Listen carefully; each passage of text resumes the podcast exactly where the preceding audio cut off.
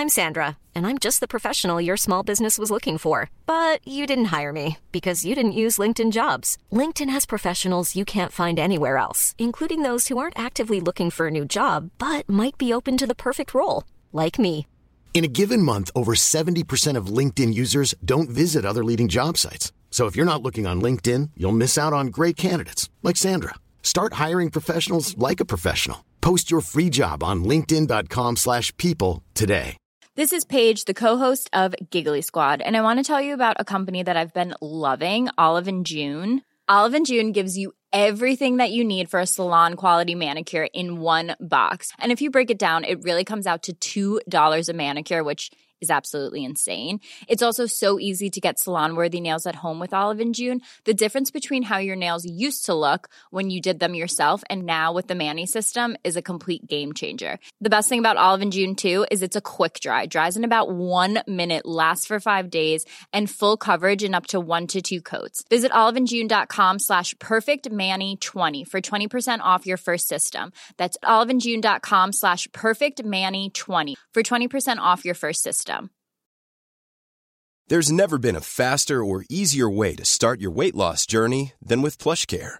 PlushCare accepts most insurance plans and gives you online access to board-certified physicians who can prescribe FDA-approved weight loss medications like Wigovi and Zepbound for those who qualify. Take charge of your health and speak with a board-certified physician about a weight loss plan that's right for you.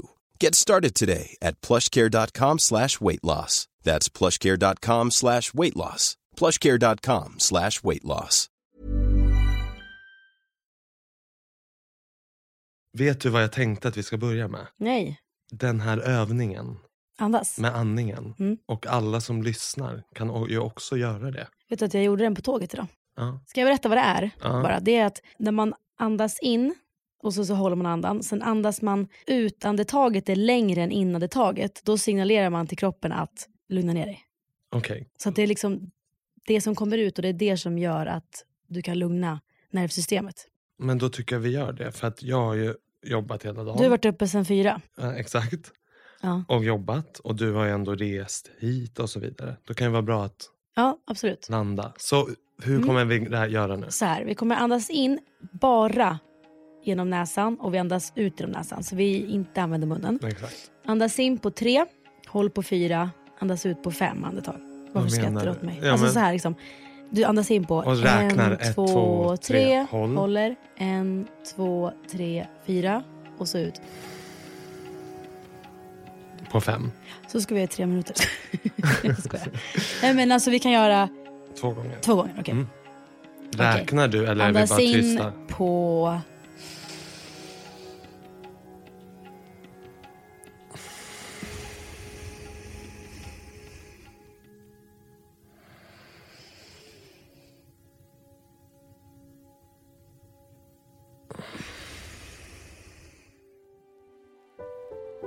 группы.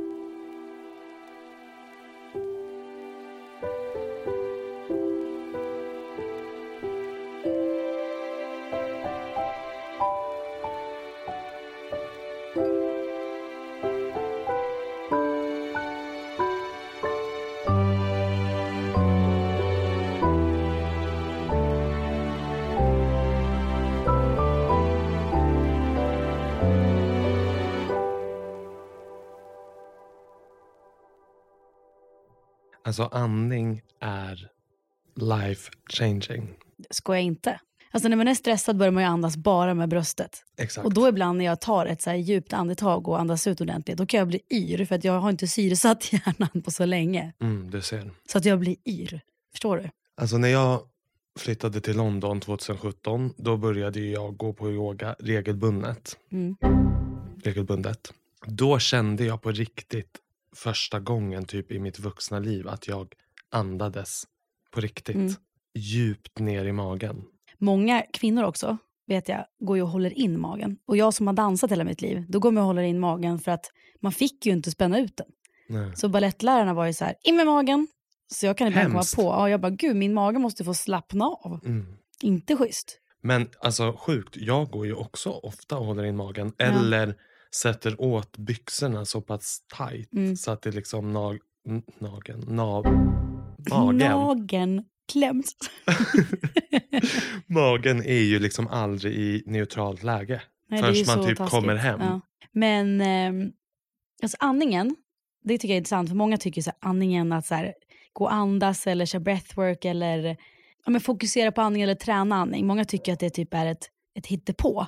Men alltså politiker, idrottsmän, alltså så mycket framgångsrika människor använder ju sig av andningen. Andningen är ju liksom en starkaste vapen typ. Alltså ska du in och stå och prata framför supermycket människor, alltså andningen kan ju göra så att hela ett system känner sig tryggt och safe och då kan du ju leverera.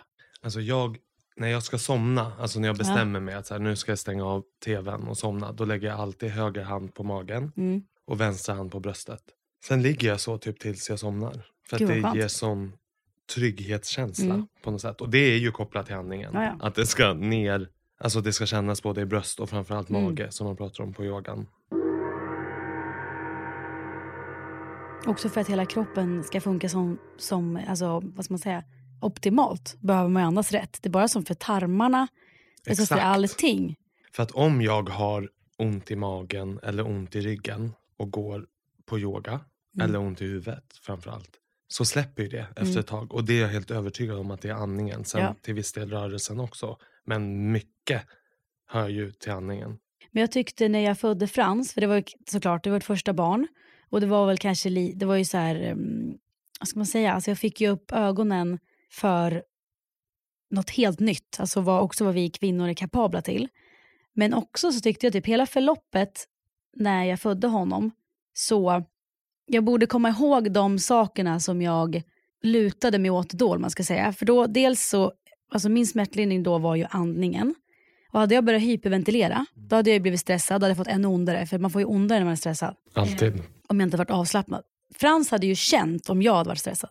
Och börjar man hyperventilera kan det också bli så att du inte ens syresätter musklerna, då funkar inte livmodern, livmodern är ju muskel. Men sen också att när man går in i en så här födsel då, som jag gjorde, som vi också ville föda naturligt, vilket jag är jättetacksam för att det gick, så var det verkligen så här, jag gick in i det utan att veta hur det skulle sluta. Men jag var ändå helt, jag var väldigt positiv under hela förloppet. Och att jag liksom på något sätt var så här, surrender. Nu blir det som det ska bli. Mm. Kontrollera, Lita på kroppen. Ja, kontrollera det du kan kontrollera. Och det har jag tänkt på ibland så här, varför kan jag inte använda det mer i mitt vardagliga liv? Alltså det var det typ det bästa man kan göra och bara surrender. Att så här, nu kontrollerar det jag kan och sen blir det som det blir. Och hur kom du till insikt innan du skulle föda? Att du ville göra det på det här sättet Mm. Ja. och att du hade den här tilltron till din kropp. Och hela Ja. den här tanken kring andning och så vidare. Hur Men- hamnade du där? Ja, men jag tror att jag har ju, eh, alltså eftersom jag har dansat så har jag alltid varit connectad till kroppen. Alltså jag har alltid känt av alla signaler tydligt tror jag. Och så um, eftersom att jag födde Frans i USA så vart jag ju arg på alltså, hela försäkringssystemet där och hela systemet kring att ja, men så de såg att jag hade jättebra försäkring via Jakob för att jag stod på Jakobs försäkring och i och med att han spelar hockey så hade vi ju jättebra försäkring för de skadar sig ju jämt. Mm. Och jag märkte ju direkt hur den här läkaren så här, du kommer inte kunna föda det här barnet, vi måste snitta dig i vecka 37. Och så började jag förstå att, Alltså snitta, kejsarsnitt. ja, men då var det så här, de berättade för mig i vecka 20 så här, eh, den här pojken är för stor och du är för liten. Och i min app som stod det så här, i vecka 20 så är alla barn fortfarande lika stora, det är nu de börjar individuellt växa olika. Så jag bara, hur kan de säga det nu? Det klaffade inte. Inte alls. Och då um, såg jag en dokumentär som heter Business of being born. Jag tror att det är hon, vad heter den här gamla talkshow, inte Ellen, den andra. Oprah Winfrey. Nej, den tredje. den tredje. Eh, Ricky Lake. Ja. Jag tror hon har skrivit den. Är det Exakt. sant? Ja, det här kan du allt om. Jag tror hon har skrivit den. Ja, hon är Om- i alla fall med i den.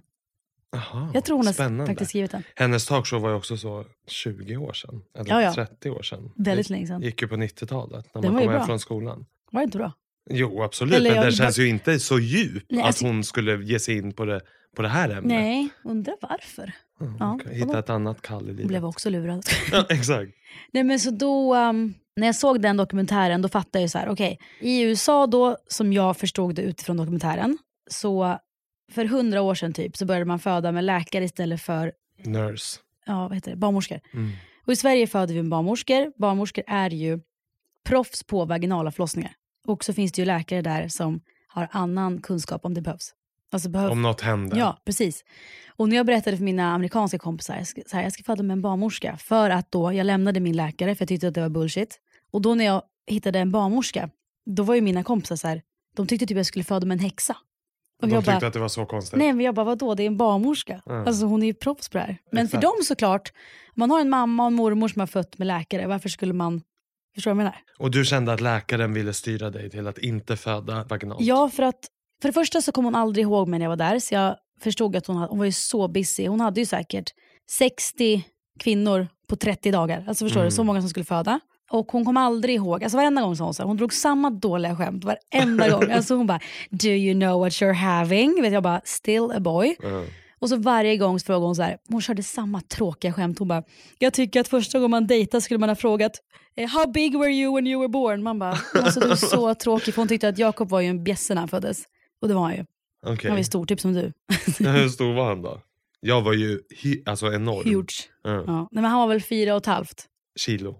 Ja. Mm, jag var ju också det och 52 centimeter. Ja, men 52 är nog ganska bra. Och drogs ut med sugklocka. Heter Men du det? ville inte ut. Du hade Nej. väl gosigt där inne. Så att mitt huvud var ju avlångt. Mm. Och jag fick knappt plats i kuvösen så fötterna stack ut. Men du var säkert längre än 52. Förmodligen. För mig att du har sagt typ 56. Min mormor gick hem och grät på natten för att jag var så ful.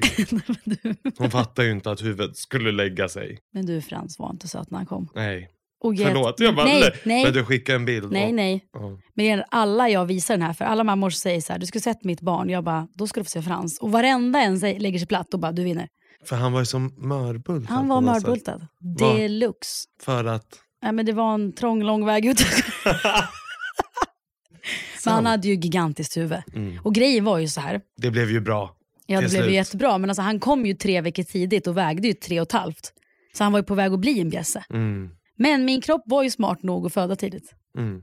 Antar jag. Ja precis, det måste jag ha känt. Det här kommer inte gå längre. I guess. Alltså, han sparkade väl sig ut. Och sen, hur gick födseln till? Nej, men sen då, då när jag varit sur efter att jag hade sett Ricky Lake-dokumentären om Business of being born, då fick jag ju se så här, För hon, dokumentären handlar alltså om att att det, i det, USA gör de det till en business. De Ja. försöker mjölka pengar. Ja, det är det den handlar om. Och då var det verkligen så här, vid de här tidpunkterna på dygnet snittas flest kvinnor för då ska läkaren hem. Och jag har liksom en kompis till exempel. Ja, jag har en kompis som skulle föda i Schweiz. Hon bytte också läkare och sjukhus. Eh, hon var beräknad runt nyår.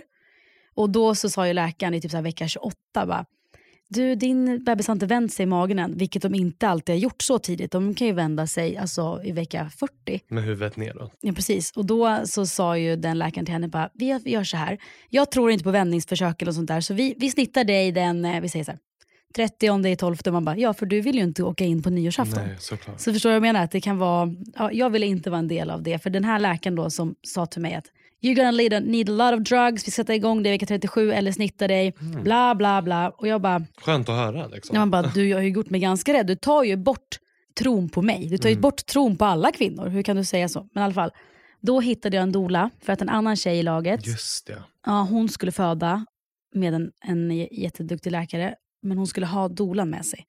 Och då träffade jag den här Rebecca. Och en dola är för de som inte Alltså vet. det är ju ett, eh, ett stöd. Du, en, en, en kvinna som är ett födelsestöd. För jag tänkte så här, många säger så här, men man vill inte ha med sig någon på förlossningen. Man bara, men om det är en person du känner och har träffat under hela din graviditet, det är ju den som kommer göra dig mest trygg. Men har hon någon utbildning eller något sånt? Ja, de har ju, alltså hon har ju utbildning i hela födelseförloppet och hur man kan eh, ja, men minska eh, komplikationer, hur man kan få kroppen att liksom, eh, vad ska man säga, hur hela förloppet ska gå, gå smidigare egentligen. Mm. Och eh, hur, de, hur man kan stötta någon. För är kvinnan trygg så går det ofta väldigt bra. Alltså just så här, jag tänker som när vi var, när vi födde i skogen för länge sedan. Alltså om en kvinna blev rädd för att det typ kom ett farligt djur, då stannar verkarna upp så man ska kunna fly. Mm. Förstår du? Så att om du då blir rädd så kan ju kroppen stänga Stanna av. upp, Ja. ja. såklart. Så jag var bara väldigt nyfiken på det här naturliga förloppet. Jag vet inte varför. Alltså jag vet inte vad det är i mig som var nyfiken på det. Men jag hade sån tilltro till min egen kropp och jag är inte rädd för smärta. Jag är mer rädd för att någon ska ta bort kontrollen från mig. Alltså om någon skulle sätta en, det här är alltså min upplevelse. De flesta säger ju så här, du är helt knäpp i huvudet. Jag skulle inte vilja känna det där. Jag skulle absolut vilja ha all smärtlindring som går. Och det förstår jag. Men i min känsla var så här, skulle någon sätta en epidural på mig, Ja, Och- inget sätt är ju fel. Nej, det är ju en sån personligt inte. val. men skulle någon sätta en epidural på mig och jag inte känner benen, då hade jag fått panik. Medan vissa som jag känner, bara så här, det är bäst som har hänt mig, jag känner ingenting. Så det är ju det är verkligen, alla kvinnor ska få föda på sina villkor. Självklart. Och det kände inte jag att de hade tänkt att låta mig göra. Tills jag bytte läkare då hittade jag. Ja men på den vägen var det. Och sen gick det allt. Det gick bra, det gjorde ju svinont men det var ju fett coolt. Och hur lång tid tog det? Alltså vattnet gick två på natten. Dolan kom hem till mig vid fyra. Det Dolan gjorde tyckte jag, det var att hon var framförallt en guide för Jakob. Alltså hon gick ju inte emellan utan hon sa till Jakob vad han skulle göra.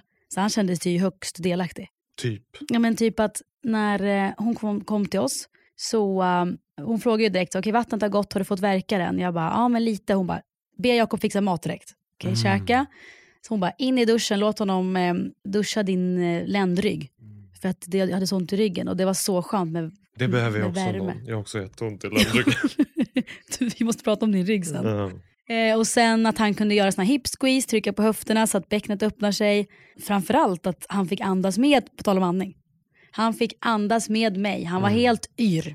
Han andades med mig i 15 timmar. Mm. I sträck. Han sa jag var så yr så att, Och en andning i ett sånt här läge är på vilket sätt? Är det in och ut genom näsan? ja men alltså han försökte bara lugna mig. Trycka ner mina axlar och sen så här, för jag krampar i ansiktet också. Vet, åh! Mm. Så han bara liksom, ner med axlarna, du klarar det här, in. Och så andas vi ihop, du vet så här. Genom näsan? Är det det man Ja. vill? Mm. Jag gjorde i alla fall det. Och sen så, när jag skrek att jag orkar inte mer, jag kan inte mer, då var han så här, jo det, det, det värsta är över, liksom, varje verk tar det närmare Frans. Och då fick man, okej, jag klarar det. Du vet, som man behöver ibland. Men blev du arg på honom? Inte man hör alls. ju om många kvinnor som är alls. så här, håll käften! Nej, inte alls. Nej. Men jag blir, alltså vet inte, jag tror inte det hör till min personlighet. Nej. Alltså jag var mer glad att han stod där och bara, Min pappa svimmade ju. gjorde han vart han rädd? Ja, jag vet inte. Han pallar inte trycket kanske. Jag tror min systers kille kommer svimma. Du tror det? Det är därför hon vill ha med mig. Ja. Men du har ju också gjort det två gånger. Och han har gjort det Ja, noll gånger. precis. Men han är också rädd för sprutor, han är blodrädd och du vet. Det är ju jag också. Ja, Men jag kommer ju inte föda, som tur är. Men du kan vara med om jag föder en tredje. Ja, absolut. Kan du dola mig?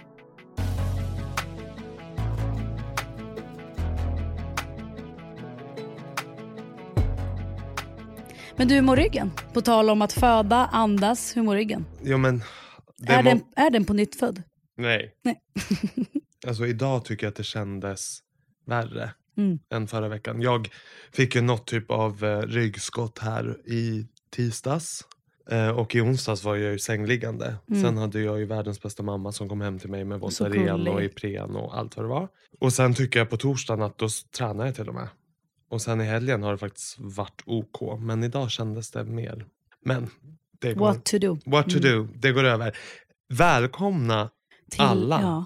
Till avsnitt tre. Nu hade vi ju en lång, Oj, vi körde hela birth story. hela birth story som inledning. Men det är fantastiskt. Jag har en grej. Men du, vi- hallå, vi måste tacka för responsen. Ja, till att Nej, börja alltså med. vilken respons. Jag är helt eh, tagen och berörd. Var du chockad? Ja men såklart. Alltså, Mm. Du måste också komma ihåg att du har ju en annan vana i att få respons på alla sätt. Mm. Vare sig det är positivt eller negativt. Och framför allt att slänga ut saker och förvänta dig ändå att få svar på det. Eller folk som reagerar och är intresserade i och med att du har byggt upp en följarskara. Och Mm. det är ju ditt jobb. Mitt jobb ser ju inte ut så och mitt liv ser ju inte ut så. Så att man är ju inte van att få massor med DM och, eller sms till och med från folk i ens omgivning som finns i ett liv är man ju inte van med att de skriver massor med fina saker och så många efter varann Nej. på ett dygn. Det blir väldigt mycket för kroppen att ta in på ett väldigt kärleksfullt sätt. Man blir extremt berörd. Då känner man sig hållen. Extremt hållen. Man bara, we got this. Vi har alla de här fina lyssnarna som skickar enormt mycket kärlek. Mm. Alltså fattar du fina människor då som väljer, ta sig en tid och det. skriva. Eller hur? Det är det som jag tror jag blir mest tagen av Mm. och som jag skriver till alla. Tack för att du skrev. För tänk hur många gånger man hör, ser, läser saker och tänker Mm. Gud vad det här var fint eller gud vad berörd jag blev det här, av det här.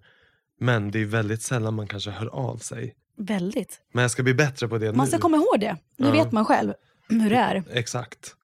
Och det är ju framför allt en tilltro till att fortsätta. Hade det varit 100%. knäpptyst Nej, då hade man ju varit på alla kanaler då hade Nej. man ju känt okej, Tänk dig nu om ingen hade skrivit. Men då hade vi nog lagt ner. då hade man inte ens gått in i Nej. studion igen. För alltså, om ingen lyssnar så Då finns det då, ingen vi, poäng. då kan jag lika gärna ringa dig. Exakt, och bara prata. Då behöver vi inte försöka mötas, ha mickar. Så att, Minneskort exakt. Så vi är otroligt tacksamma och framför allt berörda. Väldigt. Nu, jag har ju också såklart lyssnat på avsnittet i efterhand i och med att det ska klippas och så vidare. Mm. Så, och man vill ju också höra vad har man sagt för att det blir lite en block efter. Att man, Man inte riktigt minns. Ja. Och du minns inte riktigt när du går ut från studion. Nej, vad har tack. vi sagt? Det kan jag säga att det är svart för mig efter. Ja. Alltså det är svart. Och när jag lyssnar så inser jag också att det är typ som en terapi. Ja, 100 procent. Alltså jag kan honestly säga att mycket, det blev ju ganska djupt för oss Mm. både i avsnitt ett och två. Framförallt två. Jag känner en lättnad, nu ska jag inte börja gråta igen, Efteråt. i min kropp Mm. kring de grejer som vi pratade om. Mm. Kring min upplevelse till kärlek och min Mm. sexualitet. Jag känner att jag har blivit lättare i stegen. Men jag tycker det är så fint också att du vågade vara så sårbar. Det är. De flesta är väldigt rädda för det. Men, jag Men det är satt- starkt. Det är Ja, starkt det. Tack. Men jag kände ju, jag satt ju med dig. Ja, ja, såklart. Så känner Så jag till också. slut tänker man ju inte på att man har hörlurar och mick. Och... Nej, Såklart också igår när jag går och lägger mig så är det ju det här dejta för Vadå? ungdomar Ja, som jag pratade ja, om. ja, ja, ja. First date Mm. eller vad det heter. Vad kände du igår då? Samma. Fast inte så, kanske så mycket sorg men det var otro, det är så otroligt gulligt. Mm. Men det var ju ett par som blev katastrof. Två killar såklart. Mhm. Vad taskigt då. Ja, så man ska känna det ännu en mindre blooper? Ja, man ska väl känna ännu mindre tilltro till sitt kärleksliv. Så låg du bakis och bara, jaha. Ja, exakt. Så det var ju två killar. En kille som var hönsuppfödare Okej. och sen en annan kille som jobbar i klädbutik. Så det var ju kanske ingen så perfect match. Det är väldigt olika kanske Ja. intressen. Ja, och den andra killen, den ena hönsuppfödaren var helt asocial. Mm. Och den andra var ganska liksom, ja, men, öppen och härlig. Så att det blev ju en one way jag jag tänka mig. dialog Mm. Med sig själv. med sig själv. Mm. Så att de kom överens om att inte träffas något mer.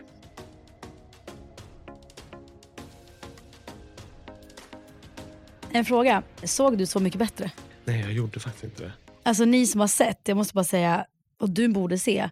Alltså, jag har inte kollat liksom, slaviskt senaste åren. Jag gjorde ju det första säsongerna. Jag också. Men alltså Sebbe, jag blev, både jag och Jakob, vi blev helt förälskade i den här tjejen Ellen Kraus. Hette hon så? Nej, Ellen men Kaus. alltså- Kraus? Kraus? Kaus. Tror jag. Alltså, Kraus. Okej. Nej, alltså den här människan, Det är en artist. ja, jag hade faktiskt inte hört henne innan. Nej. Men nu har jag lyssnat i, i Uben, lyssnat på Spotify hela vägen hit. Skicka även länkar till alla. Bara, lyssna, lyssna, lyssna. Men alltså grejen med henne var, så fort jag såg henne, jag bara, vad är det för energi den här människan har? Och jag säger det till Jakob, jag bara, alltså kolla hennes energi. Sen ju mer programmet går, alltså hennes dialoger, det hon säger, hur hon är, hennes minspel, hennes röst, nej men alltså jag, nej, det är det sjukaste. Men utveckla. Är det djupt, spirituellt? Är det positivt? Vad är alltså, det jag för skulle energi? säga, hon var ju ung, alltså sjukt skön personlighet. Alltså när hon pratade så ville jag bara bjuda henne på ett glas vin. Mm. Och jag hade aldrig hört henne sjunga så att hennes första låt, eh, jag vet inte om det var första i och för sig, men hon hade sjungit en låt till sina typ så här kompisföräldrar och den heter Wedding eller något sånt där. Ja, var Alltså, det den Peg gjorde? Ja. Mm, för det har jag sett på Jättefint. socials. Och sen så gjorde ju hon om, nu ska vi se så att jag inte säger fel, Lasse Holms låt. Mm. Och alltså, I natt, i natt. ja. Och, Mm. och alltså vet, hennes röst och inlevelse. Och han, nu kommer till nästa grej, nu ska jag berätta min sjuka hjärna. Lasse Holm. När Jakob säger till mig att han är 80, Jag vet, det är helt sjukt. nej alltså hans glöd i ögonen. Nej, men det är helt sjukt. Nej, jag började googla. Hur länge har han varit ihop med sin fru? Hur många barn har han? Hur långt är det emellan? Hur har han levt? Nu vet jag allt om honom. Mm. Vill du veta eller? Nej. Ska jag inte berätta? Vill du höra något inspirerande? Ja, Han hade artros. jag har läst allt. vad är det? Ja, men det är väl att... Eh, Rygg, det- också nej, men ryggbesvär? du, han hade det i knäna. Jakob har artros i armbågen. Det, här, alltså, det är ju strul i knät. Mm. men i alla fall, jag skulle inte skratta att han hade det. Så här var det. Han hade artros. Han kunde varken spela golf eller yoga. Jag har alltså läst om hela hans liv. Eller Då- yoga? Jogga. Jogga. Yoga.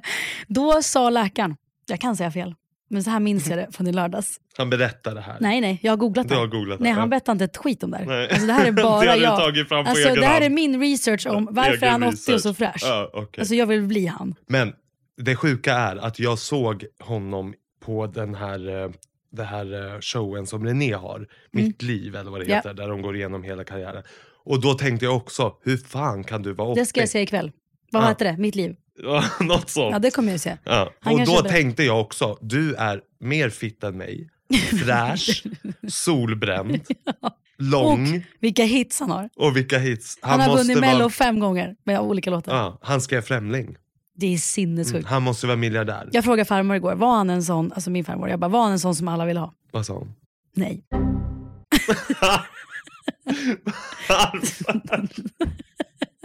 Varför inte? Jag på riktigt Då hade säger, då kunnat säger bli min... tillsammans med Ja, Lasse jag Holm. förstår det. Nu. Nu, Ja. 100 procent. Han ser inte ut som 80. Nej, Cash 65 på banken. max. Ja, 65 max, cash på banken, glad, Mm. Ja, positiv, Jätteglad. Glittrar i ögonen. glittrar i ögonen. Mm. Men då ska Hund- du se hur det glittrar i Ellens ögon. Eller, ja, Men Ellen vet Kaus. du vad, nej. Nej. vet du vad Lasse säger då? då? När hon har sjungit den låten, då säger han bara vilken jävla tjej, alltså vilken energi. Då tänkte jag, jag förstår Lasse, Lasse och jag, vi förstår varandra, det tror jag. Mm, och, och du och samma, Lasse. Ja, ja. Jag kan fixa Lasse åt dig. Ja. Och Ellen, alltså han kände ju det jag, vi såg Mm. genom rutan. Och nu satt jag i bilen, för nu är jag ett fan, Av Lasse. Ellen, Eller? och lyssnade. Alltså den här kvinnan. Eh, här kommer ett, uppmeddelande, ett öppet till både Lasse och Ellen. Lasse, Mjölna, Seppi bor på Mjölnavägen. Ja. Ellen, ring mig, jag vill dricka vin.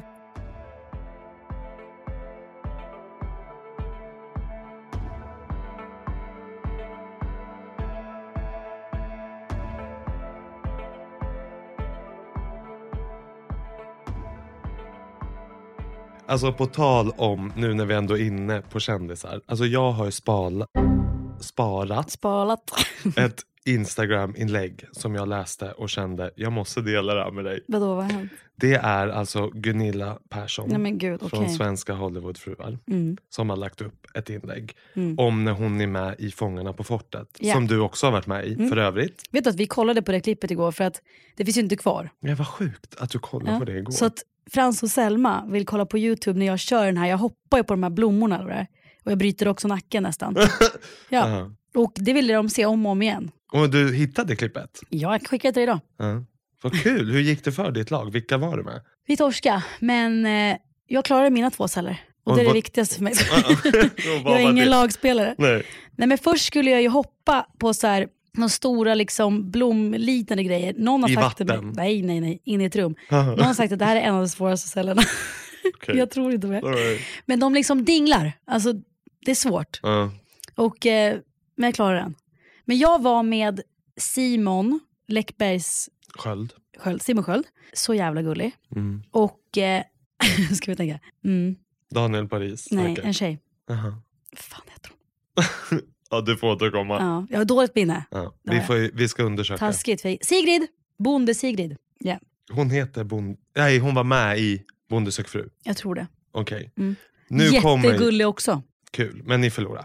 Nu kommer alltså Gunillas Ja. så starka inlägg på Okej. Instagram som hon har lagt upp om när hon satt i en bil med tigrarna. Du- Ser du bilden? Ja. Hon är där med tigrarna i mitten av Mm, fortet. Där det brukar finnas pengar. Och då skriver hon så här. Det, här handlar om det inlägget på Youtube som du har ju uppenbarligen också kollat på dig själv. Ja. Alltså klippet på henne. Hon har sett ett klipp på sig själv. Ja. Mm. 17,5 miljoner views på Youtube. Klirrar skönt i kassan för TV4. Det gör det ju inte för det Nej, första. Och för de det är får- YouTube. Ja. At TV4. Nu Ja, äter hon dem. dem. Mm. Hade detta varit idag hade jag vägrat att ställa upp. Eftersom jag anser att hålla tigrar i fångenskap och i bur är en fruktansvärd form av djurplågeri. Sant? Absolut. Nu kommer det bästa. Jag talade snällt till tigern Mm. som höll mig fast i bilhjulet. Mm. Så, såg honom djupt i ögonen och sa Oj, Chetem, Chetem. Vad betyder det? jag älskar dig. Jaha, på franska. Hon tror att han pratar franska då? Ja. Okej. För såklart, för det är ju Jo, jo men folkprogram. fransk tiger. Okej, ja. exakt, ja okej. Mm. exakt. Jag såg honom djupt i ögonen och sa Chetem och Det ögonblicket glömmer jag inte så länge jag lever.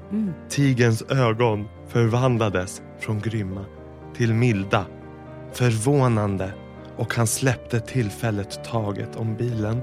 En mycket kortväxt man som arbetade på Fort Boyard blev tydligen uppäten av en av tigrarna. Jag undrar om det är sanning. Punkt. Slut. Vet du vet, vet, vad jag End undrar? of message. Vet du vad jag undrar? Nej. Jag tror inte Gunilla talar sanning. Nej, exakt Nej. så. Hon ljuger ju. Exakt så. Hon kan inte prata med tigern. Det, hon- hon... det är efterkonstruktion. Hon skäms ju för att hon har varit bland djuren som är Exakt. Mm. instängda. För det är ju fett taskigt. Och så säger hon att hon har kollat på den och sagt Chetem. Nej. Tror du på det? Nej. Kan Nej. inte, kan inte påstå Men Gunilla är en karaktär. Hon är sån ikon.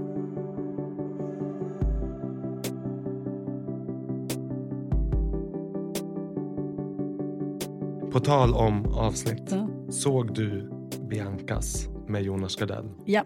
Såg du? Mm. Det var väldigt det. rörande tycker jag. Och ehm, då var väl Darin där också? Ja, jag tror det. Och du var ju och såg Darin. Jag såg Darin i helgen. Mm. Mycket bra.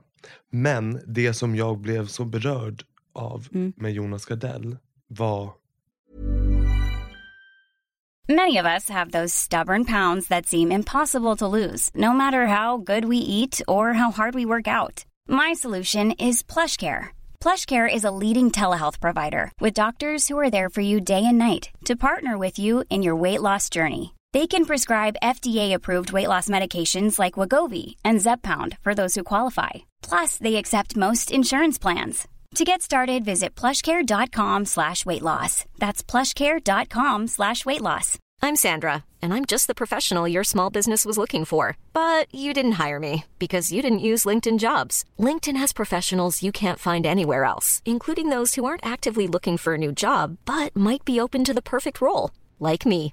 In a given month, over 70% of LinkedIn users don't visit other leading job sites. So if you're not looking on LinkedIn, you'll miss out on great candidates like Sandra. Start hiring professionals like a professional. Post your free job on linkedin.com/people slash people today.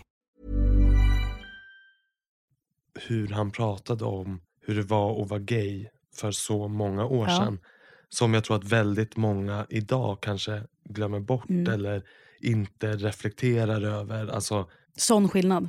sån skillnad när han var så här, man gav en avsugning bara för att få en klapp på Mm. axeln. Alltså det gick så Mm. in i hjärtat på mig när han sa Usch, det. Alltså, För det, att få lite kärlek liksom. Det var ju en form av övergrepp. Ja, såklart. Mm. Jag kan inte förstå ju. Jag kan inte helt förstå, som jag inte var i sitsen, men det känns som att nutid är något helt annat. Förhoppningsvis. Eller vad vet jag, men jag hoppas det. Och jag hoppas det kommer bli ännu bättre. Det är ju en hård miljö. Mm. söka kärlek eller sex eller Mm. att försöka dejta. Typ att vara på en app som Grindr som Mm. är som en dating-app men väldigt sexuellt fokuserad. Mm. Du vet ju knappt vem du pratar med. Du vet knappt vem du ska träffa. Alltså det är ju extremt avskalat med information. Mm. Ja. Men jag tror att många känner att man offrar det ändå för att möjligheten till närhet och kärlek Mm. eftersom såklart det är svårare än att hitta en straight partner.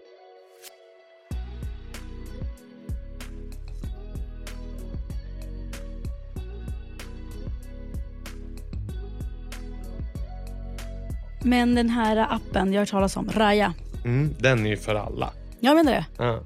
Hur är det där då? Ja men den, Raya är ju som Tinder Mm. fast du behöver bli inbjuden av två som redan är så medlemmar. två stycken måste det vara. Rekommendera. Mm. Och då handlar det ju om, Raya är ju framför allt för typ en, den kre, en kreativ sfär. Så att det är ju jättemånga artister, sångare, Mm. grafiska designers, alltså mycket sånt. Ja. Och sen är det ju från hela världen. Är det som Sohouse fast på nätet? Ja, exakt. så att du swipar ju från hela världen. Det kan ju vara Mm. från New York, Indien, Ah, okej, så det är Sverige. worldwide? Det är worldwide. Aha, okej. Så att du kan ju prata med någon som sitter i Miami. Vilket gör det ju ganska svårt. Jag har ju missat hela en den här äh, Tinder, Raya, hela eran. Alltså Skönt. jag, var ju, jag har missat allt det. Häromdagen nu när vi var, jag var ju i London förra veckan. Och då var det en tjej som var med oss som hade fått ett meddelande av någon så här superkänd skådis i London. För hon Och var, Raya. ja, Det är ju det som är kul med Ja, Raya. och Jag har ju också swipat med några För hon visade ju. famous people. Oh my god, du måste visa. Så då visade hon och bara, kolla här. Och då så sa jag, till bara, tänk om ni gifter er? Och hon bara, hur långt tänker du? Jag bara, nu är jag Ja, där igen. Nu är jag igång. Och hon bara, gifter er? Men alltså hade det inte varit en bra line, bara, I'm just talking about our wedding, liksom just nu mina kompisar. Då får man ju se om han är kul eller inte. Om han Eller går på det. Han kanske blir livrädd. Ja, men, bli- han måste ju fatta att det är skämt eller? Men, då sa jag bara, bjud inte in min pappa där. På Raja. Nej. Din pappa? Nej, Varför då? Ja, men han har ju Tinder och så hittar han Raja, då kommer han ju resa världen över. Över hela, hur går det för honom på Tinder då? inte så bra. Inte bra. För jag har ju heller aldrig lyckats med Tinder. Vet du vad så kul att du kom in på din pappa? Jaså? För att jag tänkte på dig efter att vi poddade förra veckan. För Alltså då, du är så sjuk nu. Varför? Han messade mig och skrev, eh, lyssna på podden, shit vad vi är lika. Och så sitter du nu och ska säga någonting om honom efter senast. Alltså han tycker att du och han är lika? Ja. På vilket sätt? Men vi, i vår familj är det ju pappa och jag är lika sättet och eh, mamma och Linn. Alltså min Mm, syster I och och, mamma. sant. Så att, alltså typ han, han såg ju på mig nyligen när jag, eh, jag har haft så mycket oro med min PMDS. Gud vad lite jag pratar om det. Men Eh, det är ju en stor del just ja, nu det är jobbigt liv, att inte känna sig som sig själv ibland. såklart. Men då så sa han till mig, han kollade här i backspegeln, så kollade han på mig, han bara, jag vet vad det är. Jag bara, vadå? Han bara, du har ju dödsångest. Jag bara, han bara, det är för att du älskar att leva, eller hur? Mm. Jag bara, ja. Han bara, jag vet hur det känns. Alltså han är likadan, han älskar att leva. Mm, han är ju en glad, Ja, varm person. Väldigt positiv och bara taggad och du vet, ingen kan ju stoppa honom när han är igång. Och det kan jag känna igen mig Och det finns ju också nackdelar med att vara så levnadsglad som Mm. jag tror både du och jag är Mm. och din pappa. För Ja. att ibland blir det svårt att kanalisera det. Ja, alltså Jakob har ju absolut tagit hem av oss från Wall, mig och pappa. Han bara, nu Ihop. är det dags att gå En hem. i varje arm. Ja, Nu ska vi sova. Så där kan ju det ju vara med mig och min mamma också. Det är för att man har så kul. Ja, exakt. Och sen också så här, du vet när man har som roligast, man bara, varför ska vi hem? Exakt så. Sen Men har jag- ibland måste man ju gå hem. Men vänta, nu, nu har jag guldläget att äntligen få reda ut det här och kontra nu. Inga beiga morsor, du vet. Självklart. Ja. Älskar dem båda, Mm. Elinor och Melina. Och podden är ju ljuvlig, jag lyssnar på den varje vecka. Jag har ju lärt känna dem efter barn. Och jag har ju såklart ändrats efter jag fick barn. Såklart. Och jag ehm, är inte alls ute på samma sätt, jag festar inte på samma sätt, alltså av naturliga skäl. Men i alla fall, de, min farmor kom till oss igår, hon är alltså 78. Så sätter hon sig vid matbordet, hon var med mig och Frans och Selma och så säger de först att gud vad bra eran podd är, alltså du och jag. Mm. Du och jag Sebbe. Hon bara, alltså det var så fint och ni så, det, är så, det flyter på så varmt. Alltså hon älskar den. Ja, Hon har lyssnat på båda avsnitten. Ja, Hade hon sagt om hon tyckte det var sämst? ja Ja, du tror det? det hade hon Mm. absolut. Hon hade bara, jag gillar inte. Nej. Hon kan säga så Hon är här ärlig, då. liksom. Hon, ja, hon skulle typ säga så här, men jag är för gammal. Typ, förstår Mm, du? och då skulle de du bara inse. get the point. Ja. Liksom. Det är som när jag tar på mig någonting som Jakob inte gillar, då säger han inget. Och sen när jag tar på mig något fint, då, då, då öser han med komplimanger. Ja. Men då hade de kommit in på Inga bärsa morsor efteråt. Och det här är så kul, att min farmor, Av en är, slump liksom. den kom upp efter. Mm. Liksom. Eh, och då hade hon lyssnat på den podden när de pratade om mig. Så nu, Elinor och Melina, nu ska vi reda ut det här. Då säger de ju att de tänker att jag är så här, jag, jag findricker, jag, jag är lite så här rikemansdricker. Alltså jag dricker bara finvin. Mm. Och eh, då säger typ Melina bara så här, alltså Sanne drack öl, jag såg henne dricka öl. Och då säger Melina, eller Elinor bara, men var det öl eller var det typ kombucha? Var det någon hälsodryck? Som Eh, att du skulle sitta på Farang en onsdagkväll klockan tio och dricka kombucha. Bara man är gravid. Men jag väntade in att mina vänner som har känt mig länge och de som jag har festat en del med skulle höra det här. De bara, vi lyssnade på podden. Ha ha ha, du vet. Då. För att det är så osant. Ja, Yes. och det är det här vi ska reda ut nu. Vi ses på middag den åttonde, för det gör vi. Vi ska på middag då, eh, hemma hos Hair Talk Det Emily. blir ingen kombucha. Men det orkar jag inte då. Men, men jag orkar inte gå ut då. Men alltså, Nej. i vår. Ska du visa? Nej vänta. I vår? Ja, men- om ett halvår? Det är inte kul att stå ute i snön. Nej, så är det ju. Och en ful vinterjacka. Men då vill du visa dem att du inte rikemansdricker. Det är det du tänker? Alltså, snälla, jag kan ju inte ens några viner. Nej. Melina, lyssnar du nu? Det var ju hon som var Peter med vin. Ja, det var vill jag jag skulle säga. säga. Nummer ett. Ja, det var det jag skulle Exakt. säga. Hon och Kim. Jag satt i det jag, jag tar väl det jag får, slattar om det är så. och absolut att efter jag fick barn, jag, har ju- jag har ju varit mycket lugnare. Jag var ju på Spybar Knytplus, det vet vi alla. Mm. Sen har jag inte varit ute så mycket. Nej, Men kör jag så kör jag, Så det kan jag tala om. exakt så. Hur tycker du om den biten? Tycker du att jag en findrickare? Absolut inte. Snarare tvärtom. Är, du, inte du mer findrickare än jag? Alltså jag gillar ju att dricka gott. Det, Ja. Man vill ju inte att det ska vara äckligt. Nej, men jag är väldigt okänslig. Så du vill liksom inte ha björnebrygg? Vad är det? Jag vet inte ens vad det är. Det är en, det är en öl som är typ så här 10,2. Alltså, Oh my god. Ja, Nej, inte öl är jag ju inget fan av. Nej, det är klart. Men, och då vill jag gärna ha... då dricker du kombucha. Nej, corona kan jag dricka. Ja. Rödvin tycker inte om så mycket. Va? Nej. Så gott. Nej. Men jag dricker ju det jag får. Jag tar väl något Pinot Noir billigaste. Men tillbaka till det jag skulle säga som jag tänkte på om din pappa. ja, där var vi ja. Mm. Som... Oj vad jag skriker. Ja, gud jag bara fick tinnitus. När vi pratade lite, du Mm. nämnde i avsnitt två eller ett eller något om att dina föräldrar skilde sig. Mm.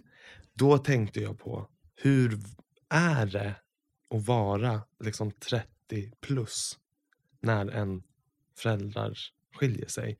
Alltså jag har ju aldrig levt med mina föräldrar Nej, ihop. exakt. Nej. Alltså min pappa och mamma separerade ju när jag var knappt liksom ett. Nej. Du har ju levt med dem hela ditt vuxna Ja. liv. Tills du nu har egna barn. Det var så, de skildes ju 2020 i november. Selma kom ju i juli, så hon var ju liten. Och jag kommer ihåg att, för de hade haft lite stormigt innan. Så att det var inte en chock kanske. Det kanske var det just den här tidpunkten, men det har varit stormigt innan. Men inte när jag var liten, liksom, som jag har vetat om, utan det har varit i vuxen ålder. Men då, um, först skulle de skiljas innan vi skulle gifta oss 2017. Och då sa jag, jag kommer ställa in bröllopet om de är skilda. Alltså så allvarligt tyckte jag det var. Jag bara, jag tänker inte sitta där med att de, och att de inte är vänner eller att det ska vara dålig stämning. Men så, så tog de tillbaka skilsmässa och papperna. Så de var ju tillsammans när vi gifte oss. För att du hotar dem. Nej, Nej. ja, exakt. De ångrade sig. exakt. Sen 2020 då, då hade jag drömt på natten att pappa kom hem till mig och sa "M- mamma och jag ska skiljas. Så säger jag till Jakob på morgonen, jag kommer ihåg att jag stod i köket i Nacka och sa vet du vad jag drömde? Så jag hann berätta det. Så inte det låter som att jag ljuger. Sen kommer pappa på kvällen, sätter sig i våran vita soffa. Selma somnar, så säger han jag ska berätta en sak. Jag bara, jag vet inte vad du ska säga. Alltså jag visste det. Men ehm, alltså jag drogs mellan att, att jag tyckte att jag, alltså så här, att jag tyckte att jag borde varit mer förstående och logisk och vuxen. Men istället blev jag typ fem år och asledsen och asarg. Du känner det i efterhand nu när du Nej, tittar tillbaka? när jag var i det så kände jag typ, nu får du skärpa till dig. Ah, samtidigt? Ja. Men du kunde inte? Nej, eller? och då gick jag faktiskt och pratade med en person som sa, för varje gång jag hade... Varför blev du arg? Nej, men jag tyckte att om inte de kan hålla upp då tror jag inte på kärlek. Typ så. Och det här är till saken här, 2017, vänta måste tänka. 2016 när Jakob skulle fria, ja det var då de skulle skiljas, det var året innan ja. Mm. Då, uh, det kom det, då kom det som en chock för mig att de skulle skiljas. Så jag kommer ihåg jag satt på Jakobs balkong på Essingen, vi hade middag och så ringer mamma och säger att eh, ja, de ska skiljas. Och då så var jag jätte, jätteledsen och tyckte att jorden och livet gick under. Och då kommer jag ihåg att vi skulle till Boval med några kompisar för vi skulle sen till Boval strand, det ligger nära Göteborg. Då skulle vi dit och sen skulle vi på Håkan, Håkan Hellström i Göteborg. Och då hade Jakob planerat att fria i Boval. Men i och med att jag gick och sa att jag tror inte på kärlek längre, eh, då, då kunde inte han fria. Nej. Så han vart så här, jag kan ju inte göra det. Men då hade de sagt till dig, typ vi kanske ska göra det. Nej, då var det mer typ vi ska skiljas. Mm. Och sen ångrar de sig. Ja, och då uh, kommer jag ihåg att därför har jag lite speciell relation tror jag med Håkan Hellström. Alltså hans musik. För jag kommer ihåg att jag var jätteledsen på konserten. På vägen hem kommer jag ihåg att jag satt och grät i bilen. Alltså jag var jätteledsen. Och sen när de skulle skiljas, så tog de tillbaka det. Sen skulle de skiljas på riktigt då 2020. Och eh, jag tyckte ju typ att livet gick under. Och vad tror du det kommer ifrån? Men jag tror att jag tror att jag har haft en bild av att vi har varit så här, den perfekta familjen. Att vi har, alltså så här, det var alltid typ, mina kompisar och jag hängde alltid med mina föräldrar. Alla ville hänga med dem. Det var så stort umgänge, så typ på vårt bröllop, jag bjöd ju jättemycket familjevänner. Det är inte alla som bjuder 20 stycken, vad ska man säga? Eh, Dina som, föräldrars Nej, kompisar? liksom. precis så. Mm. och ehm, alla mina nära kompisar har alltid umgås med dem mycket och vi har alltid så här, vi, vi kunde välja att hänga med dem istället för att gå på fest. Vi alla följde alltid med på oss på resor. Så att jag kunde inte se det komma. Sen tror jag, vet ska jag säga vad det värsta var tror jag? Det var att jag tänkte, nu tänker jag inte så längre, men då var jag så här, nej Frans, och Frans kommer inte komma ihåg mormor och far ihop, vad ska han tänka? Men nu förstår jag att, och märker att det, det påverkar inte honom. Såklart. Han har ingen aning.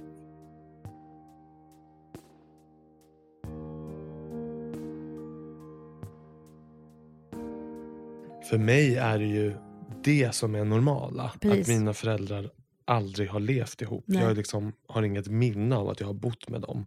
Och det finns verkligen noll sorg i mig Mm. Ja. av det. För att jag har ju aldrig upplevt det. Det normala för mig är ju att min pappa har varit där Mm. och min mamma har varit här. Men har du någon gång tyckt att det varit jobbigt att de varit skilda? Kan du komma ihåg det? Typ att du åkte emellan eller? Det fanns en period när jag var yngre Mm. där jag slets mellan vart jag skulle bo. Det var en jättekort period. För att min pappa ville att jag skulle flytta till honom, alltså på heltid. Jag bodde ju bara hos honom varannan helg Mm. när jag var mindre.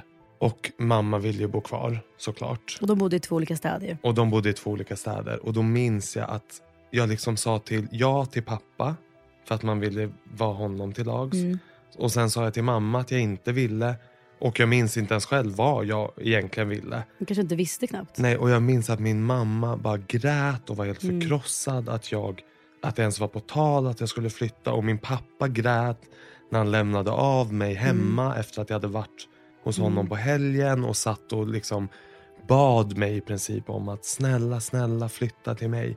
Och det blir ju sån otroligt dig, ja. ansvar på Mm. någon som är Så liten. vad kan jag ha varit, 8-9 år och vill vara såklart båda till lags. Mm. Liksom. Så det minns jag väl att det fanns liksom en att det var en sorgsen stund Mm. på grund av den konflikten och det Och dilemmat. kanske att du också att du ville då att båda skulle vara nöjda. Även fast det kanske det viktigaste var att du var nöjd. Men det är klart, som barnen då vill man att föräldrarna ska vara nöjda. Exakt. Och sen är jag ju jätteglad att jag har bodde med min mamma Mm. hela min Ni är ju uppväxt super, egentligen. supernära. Exakt.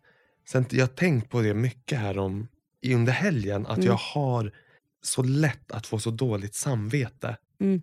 För saker jag inte borde få dåligt samvete för. Känner jag mig. Har du något exempel? Nej men jag, Eller bara är det ofta så? nej men oftast, jag, jag vet, minns inte exakt vad det var jag tänkte på. Men som jag kände så här, åh nej vad taskigt att jag inte gjorde det här. Så Ja. bara, men varför ska du behöva göra det? Jag också så, ofta. Att jag bara, nej gjorde jag tillräckligt? Är jag tillräckligt? Ja. Ja, och så bara, åh nej, varför sa jag inte det? Det kan vara så små saker som bara hugger till Mm. i magen för mig där jag känner att jag har underpresterat Ja. mot en människa. Där jag har noll ansvar för att behöva ens prestera. Eller förmodligen knappt att den människan har ens, reflekterat över att jag inte gjorde så Nej. eller si. Men det där tror jag, jag tror jättemånga människor känner sig otillräckliga. Och jag har tänkt så mycket på det. Bara, om det är någonting jag skulle önska att barnen tar med sig från oss som vi får försöka jobba med, med dem. Det är ju att de alltid ska känna sig tillräckliga. Exakt. Tänk dig hur skönt det vore. Tänk om fler på den här jorden kände sig tillräckliga. Mm. Det blir så mycket som bottnar Precis. i det. För att annars är det svårt. Och släppa skulden. Jag tar man ju så mycket personligt annars. Och tror att allt är liksom, förstår du vad jag menar? Vi pratade om det i helgen, jag och min mamma och hennes väninna. Att så här, vissa människor har ju lättare för att bara gå vidare. Från till exempel ett argument, en situation som har uppstod där folk har blivit ledsna. Vissa kan ju bara fortsätta Mm. medan vissa, Sitter kvar i kroppen. som mig till Mm. exempel, det sitter kvar i år Ja. i vissa fall. Där man minns ett tjafs eller Mm. något som har sagts eller Mm. Och där hade jag kanske önskat, eller vi pratade om att så här, man kanske hade önskat att man kunde släppa lite snabbare. Sen kom jag också på att så här, eller visar det bara att man Empati är... liksom. Exakt. Att man är medmänniska. Exakt. Att man besitter möjligheten att känna djup empati Mm. och att alltid vilja vara en medmänniska och göra rätta val. Alltså jag lyssnar på en bok nu, jag skickar ju den till dig Ja just det, i morse. idag. Där de pratar Vad om... heter den igen? Jag ska kolla här vad jag skickade till dig. Men den heter något så Leva här... life. Leva Ja men livet. typ så. Mm. Något så här löjligt som folk bara känner att... Du har skrivit en del. Vi har skrivit en del. Alltså. Det här är alltså du bara bara idag. scrolla, scrolla. A passion for life. Så var det. Mm. Och då, Hur hittade du den? Boken? för att jag läste en annan bok av samma författare. Mhm, Mm. Som jag blev väldigt, eh, också väldigt tagen av. Och i den här boken då så pratar de ju om att det viktigaste i livet för att du själv ska må bra är right action, Okej. right mindfulness och sammanfattningsvis do the right thing. Mm. Och det bottnar ju såklart då i att i kindness. Mm. Do the right thing mot dina medmänniskor Ja. och såklart mot dig själv. Och då kommer du må bra. Och det är det enda du kan kontrollera också egentligen. För du kan ju inte, du kan inte kontrollera hur andra ska agera mot dig. Men om du själv är en bra människa så är det ju mycket större chans att folk kommer behandla dig bra. Och de pratar ju exakt om det i boken också. Att så här, även om du blir dåligt behandlad Mm. av någon, svara med right action. Men det right tycker jag- mindfulness. Egentligen så här, för jag kan inte förstå, jag tycker typ att så här, folk som ska hålla på med hämnd och så vidare, så här, Exakt. det kan inte jag fatta. Jag så här, om det är någon jag inte vill ha i mitt liv, okej, bra, då behöver inte jag lägga energi på det, men jag kommer inte tracka den för det. Man säger inte dumma saker för det, man behandlar inte folk illa. Man bara, i så fall behöver man inte umgås. Och jag tror inte en eye for an eye är rätt väg att ta. Det, jag tror inte det kommer gynna en själv. Nej, Att vara ute efter någon eller Nej. att vilja hämnas. Sen ibland hamnar man i de situationerna där man säger saker som man kanske inte borde ha sagt. jo, för att kanske du är just blir mitt i ilskan ja. Exakt. Men du vinner ju inget på det Ja, och- förutom att du mår sämre Och efter. do the right thing also. also. Nej men alltså att säga, be om ursäkt, jag menar inte exakt det jag sa. Exakt så. Nyligen vart jag arg på Selma. Alltså det var första gången jag så här höjde rösten ordentligt åt henne. Alltså hon var, oj, har jag sagt det? Nej. Och då eh, så bad om ursäkt i bilen och bara, förlåt Selma det var inte meningen att höja rösten sådär men mamma blev jättearg och liksom hon hade hållit på och varit, alltså hon är i sitt treårstrots ska jag säga. För det första då intressant märker jag att Frans blir en mood manager. Och bara, jag tror mamma att Selma säger att det är lugnt. Vet, han blir så stressad för att han har aldrig sett mig så. Typ. Åh gud, alltså han, Frans är så lik mig. Mm. Ja, han så blir där så blir ju jag stressad. också i en Mm. situation om det är folk som har bråkat eller om Ja. jag märker Mm. att det hålls på att byggas upp en hetsig stämning. Då blir jag så här, men gud det är ingen fara. Nej, Sätt in lugnt, direkt. sluta bråka nu, det är ingen Ja. fara. Ja. För jag bara, men Selma, jag ber, jag ber verkligen om ursäkt att jag lät så arg. Mamma, ska, mamma får inte liksom höja rösten, så jag kan inte be dig. Alltså jag bad henne inte skrika, men jag höjde rösten. Man bara, Mm. kontra, liksom, ganska dåligt. Kontraproduktivt. Exakt. Och då så när jag säger det här till henne, hon ba, han bara, eh, mamma jag tror att Selma säger att det är lugnt. Vet du, han blir så stressad. Jag hoppar in där, mood manager. Ja, direkt. Mm. Och då så säger Selma typ en vecka senare, hon bara, mamma du skrikte på mig. Jag bara, det gjorde jag och det var verkligen inte meningen. Mamma, Skrek. Mm, Ja, ja, hon hon sa ju skrikte, ja. Ja, Jag var verkligen inte meningen. Liksom. Eh, jag ber så mycket om ursäkt och jag som förälder, Vadå, jag- då kom hon med sin comeback en ja, vecka alltså, senare? hon typ, ja, för hon funderat. Då hade hon smält det. Hon skulle hämnas. Nej. nej men hon var så här, kommer du ihåg? För att det vart väl typ så lite trauma för henne. Jag har aldrig höjt rösten sådär. Och då, um, jag, bara, jag ber jättemycket om ursäkt. Jag har varit jättearg verkligen. Och hon hade tryckt på alla knappar i, i tre veckor i sträck. Och då säger Frans, för jag bara, ja men jag som förälder borde veta bättre. Han bara, ja mamma. Ni vuxna, ni borde veta bättre. Det är vi som är barn. Vi förstår inte tillräckligt mycket. Vi förstår inte lika mycket som er. Och jag bara, nej du har ju rätt. Nej, Men han verkar ju fatta mycket. Ja, absolut. Men då tänkte jag så här, samma där. Alltså jag vill ju vara en medveten förälder jag vill göra rätt för mig, även fast jag inte kommer göra det jämt. Men blir det tokigt ibland, eller alltså, om man känner att nu var inte jag superskön, då får man be om ursäkt.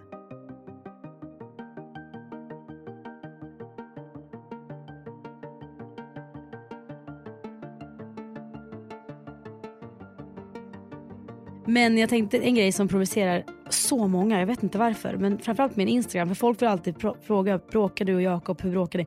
Vi gapar inte varandra. Alltså vi höjer inte rösten varandra. Och jag vet inte vad det är, men jag tror att han, han triggar inte mig och jag triggar uppenbarligen inte honom. Alltså vi trycker inte på varandras knappar. Nej. Alltså jag det gör svårt. aldrig det, alltså jag gör aldrig det för att liksom göra någonting med flit. Alltså jag vill egentligen inte, helt ärligt, jag vill inte trycka på någons knappar. Alltså märker jag att någon Såklart. börjar bli lite så här, då vill jag bara klappa medårs. Jag vill inte att folk ska vara arga, jag hatar det. Samma för med mig. Det är inte trevligt. Och i vissa fall är det ju bara onödigt att försvara sig. För att 100%. du kommer ju alltid ha känt den känslan. Precis. Oberoende på hur jag upplevde situationen. Så säger jag och Jakob ofta till varandra, om det är någonting så kan han bara, ja jag kan ju inte ta ifrån dig hur du har känt. Eller Exakt. hur du känner.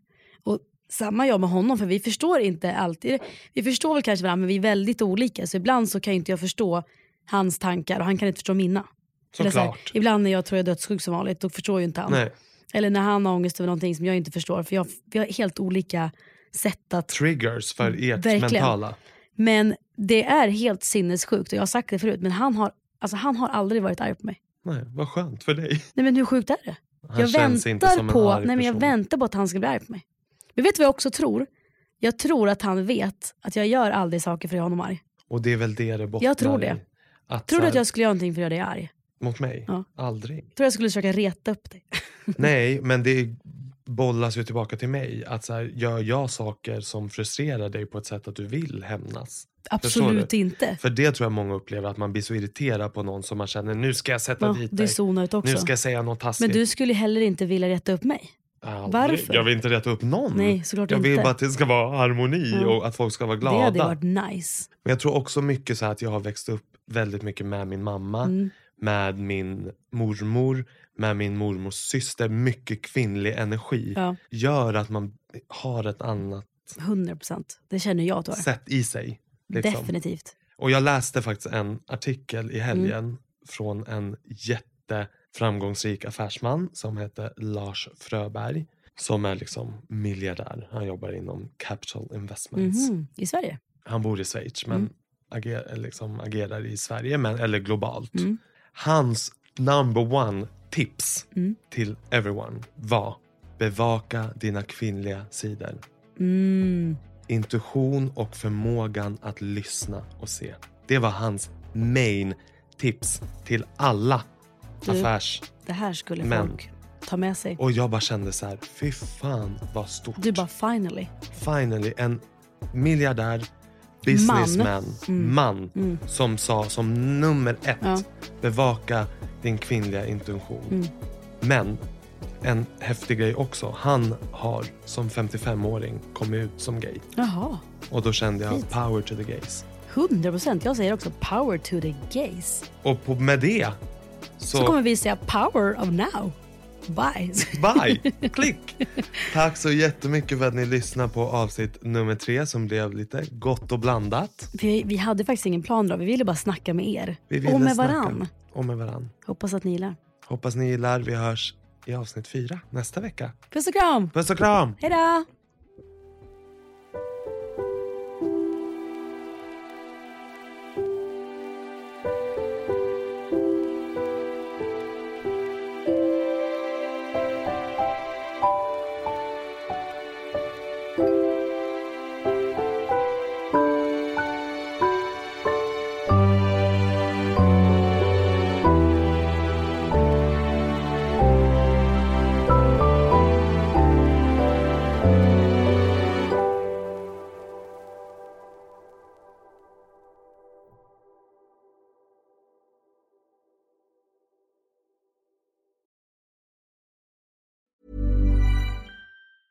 Planning for your next trip?